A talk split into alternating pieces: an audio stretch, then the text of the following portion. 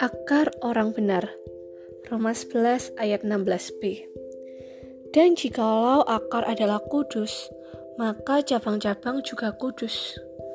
Yesus Kristus adalah akar dari gereja. Karena Yesus kudus, maka kita sebagai cabang-cabangnya harus kudus. Kehidupan manusia ada dua bagian, yang kelihatan dan yang tidak kelihatan. Tetapi ingat, yang tidak kelihatan itu menentukan yang kelihatan. Yang tidak kelihatan yaitu kehidupan rohani, sedangkan yang kelihatan adalah kehidupan jasmani. Tetapi sering kali kita mengabaikan yang tidak kelihatan. Kita lebih banyak memperhatikan yang kelihatan. Sebab itu kita perlu lebih memperhatikan yang tidak kelihatan. Untuk memiliki kehidupan yang berakar, kita perlu melekat kepada firman Allah dan benar-benar suka akan firman serta merenungkannya.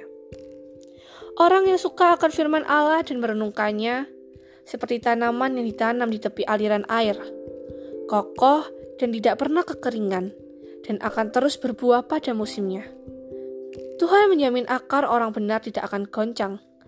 Kehidupan rohani anak Tuhan yang bertumbuh dewasa akan merasa tidak bisa hidup tanpa Tuhan. Dan orang yang mengandalkan Tuhan akan selalu diberkati. Tidak pernah kekeringan dan akan tumbuh subur dan menghasilkan buah pada musimnya. Biarlah akar iman kita tertanam di tepi aliran air, yaitu Roh Kudus dan firman Allah, maka hidup kita akan tumbuh subur dan menjadi berkat. Thank you and God bless you.